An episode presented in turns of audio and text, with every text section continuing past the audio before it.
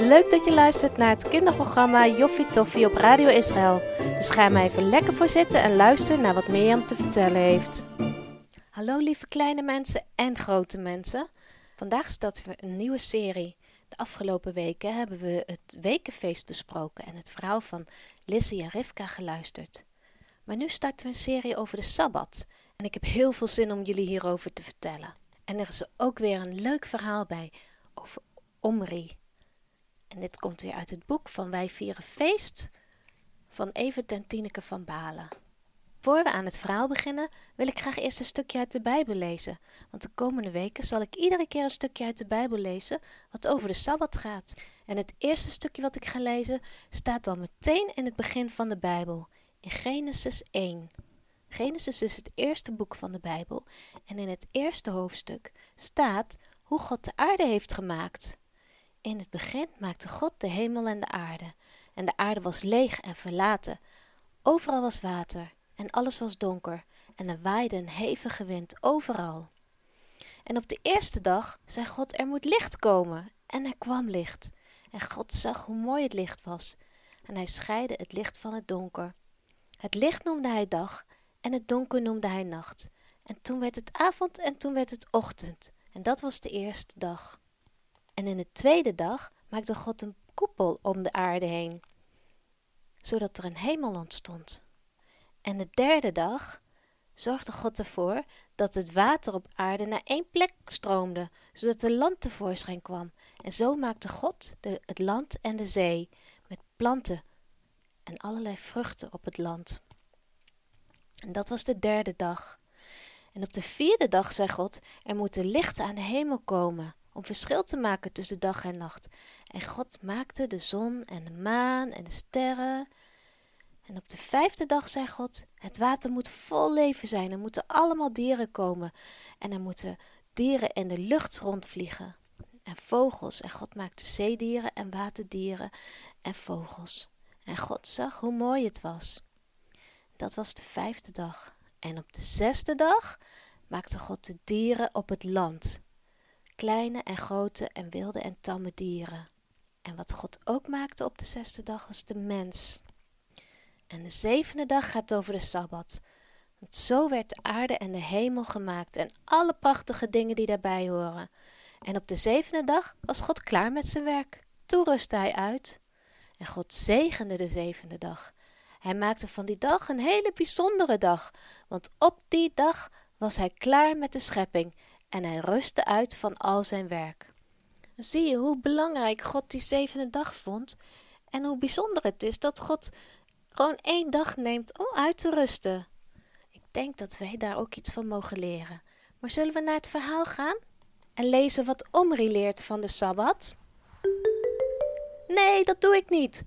Eindelijk zijn we bij een mooie plek en dan moeten we weer inpakken. Omri pakt gauw zijn blikje en rent de tent uit. Terwijl hij dat doet, struikelt hij nog zo'n beetje over een losse tentvlap. Moeder blijft beduust achter. Dat had ze niet gedacht.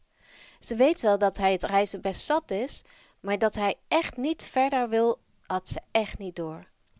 Omri zoekt zijn favoriete plekje op, een beetje achter in het kamp, onder een palmboom. Vanaf deze plek heeft hij goed zicht op het kamp en kan hij de uitgestrekte woestijn inkijken. Hij voelt van binnen nog heel veel boosheid. Is het boosheid of misschien ook wel teleurstelling? Eindelijk zijn ze op de plek gekomen waar het wel uit te houden is. Er zijn flink wat bomen die de nodige schaduw geven en er zijn heerlijke frisse waterbronnen. Hij heeft nu tenminste niet de hele dag meer dorst en hij is niet zo oververhit. Het reizen vindt hij wel echt heel zwaar. Lopen, soms meer slenteren, want ook de oude en mensen en jongere kinderen moeten het tempo bij kunnen houden. En dan weer stoppen en dan weer tenten opbouwen. De wolkkolom overdag die aangeeft waar ze heen moeten en de vuurkolom in de nacht. Soms, heel soms, heeft Omri een beetje hekel aan die wolk. Nou, ook weer niet echt hoor, maar hij is zo moe en hij heeft honger. Omri maakt een kuiltje met zijn handen, een klein kuiltje in het zand en gaat heerlijk in een kommetje zitten. Hij veegt het blikje schoon en doet het open. Gelukkig heeft hij dit mee kunnen nemen en steeds goed bewaard. In het blikje zitten een aantal poppetjes. Je zou het gelukspoppetjes kunnen noemen. Omri heeft ze uit Egypte meegenomen. Al die weken dat ze nu al onderweg zijn, heeft hij er goed op gepast en gezorgd dat zijn ouders ze niet zouden zien. Omri blijft een tijdje zitten en geniet van de schaduw en de lichte bries die zo tegen de avond begint te komen.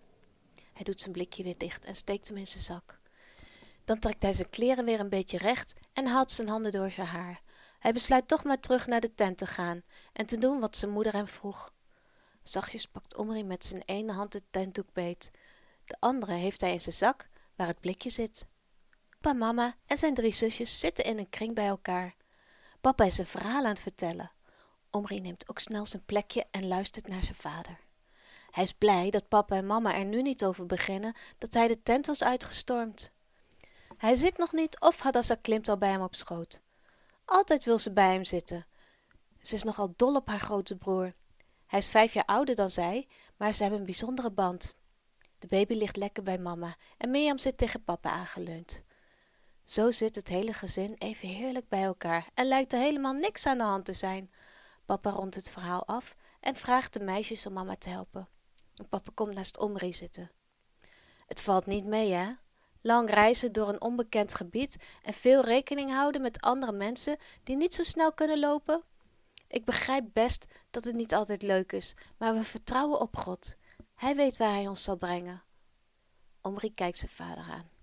Bedankt, pap, dat je niet boos bent.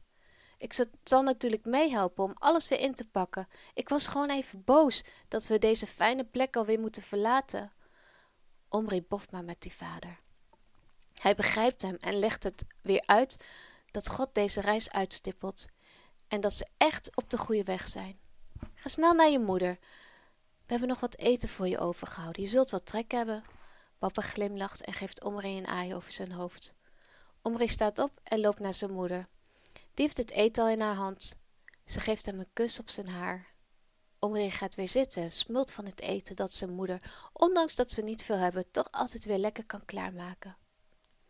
De volgende ochtend is iedereen alweer bezig om de tenten op te breken en alles in te pakken. Omri heeft, zoals hij ook beloofd had, goed meegeholpen.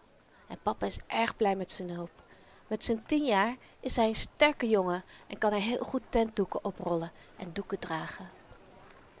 Als het hele volk weer een aantal dagen op pad is, begint de sfeer wat te veranderen. Bij mensen eerst nog wel avontuur zagen van een reis met een onbekende bestemming, merk je nu dat ze klagen en zeuren. Omri vindt het ook zwaar. Overal waar hij kijkt is alleen maar zand. Zand en rotsen, bergen en geulen. Deze woestijn, die Zin genoemd wordt, is droog en stoffig. Helemaal niet zoals bij Elim.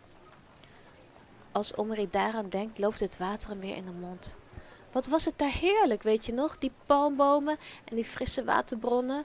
Daar kan Omri nu alleen nog maar van dromen. Ineens hoort hij wat. Hoog boven hem. Grote vogels vliegen voorbij. Het zijn Egyptische gieren, had papa verteld. Hier is niks te halen hoor, roept Omri naar de vogels. Naast de gieren die hij in de lucht ziet en de steenbokken die wel eens voorbij lopen, ziet hij af en toe nog een hagedis, maar verder niets. Omri probeert het mopperen voor zich te houden en steeds te denken aan wat papa een paar dagen geleden zei. God stippelt de reis voor ons uit. Hij weet waar we naartoe gaan. Om zich heen hoort Omri nog wel meer gemopper. Waren we maar bij de overvloed in Egypte gebleven, zegt een man die naast hem loopt. Ja, dat begrijpt Omri wel. In Egypte kon hij zo lekker eten, elke avond een bord vol met vlees en groenten. En vaak mocht hij ook nog de restjes van zijn zusjes opeten. Hmm, wat was dat smullen zeg. Je kunt het aan Omri ook wel zien. Hij heeft een lekker volle toet en zijn broek zit ook wat strak om zijn buik.